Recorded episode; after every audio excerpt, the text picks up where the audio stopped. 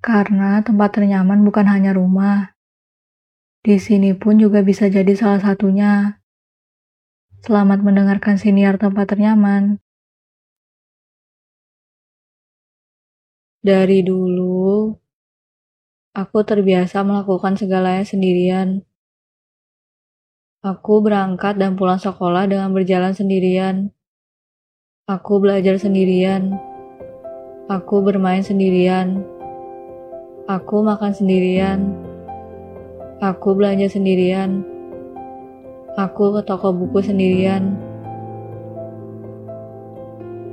Jika ada yang bilang, mungkin itu karena aku yang menutup diri dan tidak mau berteman atau menjalin hubungan dengan siapa pun, maka jawabannya salah besar.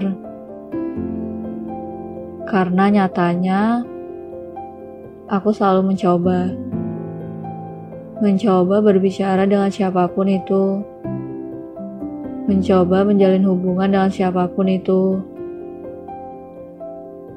Namun, entah kenapa dan bagaimana, hal itu tak pernah berhasil.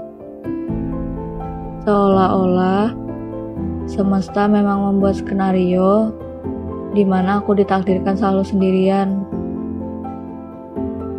sehingga pada akhirnya Aku tak pernah punya pilihan lain selain melakukan semua hal sendirian.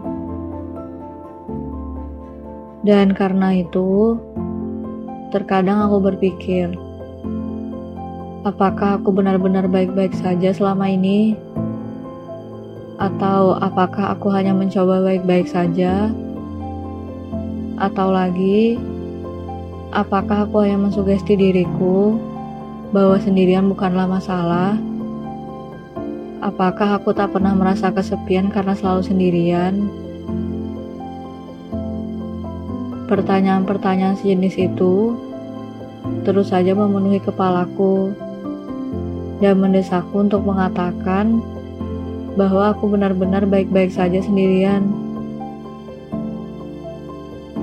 Aku menyedihkan, bukan?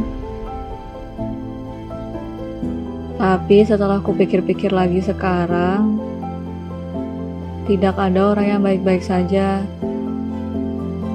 Yang ada hanyalah orang yang mencoba baik-baik saja, terlepas dia sendirian atau tidak. Karena pada dasarnya, hidup memang seperti itu. Dan orang-orang yang hidup juga pasti punya masalah dan kekhawatirannya masing-masing baik dia sendiri atau tidak. Hanya saja bedanya, setiap orang punya cara tersendiri untuk menghadapinya. Sehingga aku memutuskan menghadapinya dengan cara menjalani segala hal terlepas sendiri atau tidak semampuku. Lagi pula, setelah ku jalani selama ini, Sendirian tak selalu buruk. Sendirian berarti kamu punya waktu untuk lebih mengenal dirimu sendiri. Punya kesempatan untuk menjadi berani dan mandiri. Dan punya keleluasaan untuk menentukan pilihan. Hmm, sebagai penutup, Aku tidak tahu ini akan bisa menghibur orang-orang yang merasa sendirian atau tidak. Tapi aku pernah menonton sebuah drama yang bilang bahwa orang yang akan hidup dengan dirimu selamanya bukan orang lain, tapi dirimu sendiri. Yang berarti kamu tidak sendiri. Kamu selalu punya dirimu sendiri sampai akhir. You are the most permanent thing in your life, and you are the greatest thing in your life too.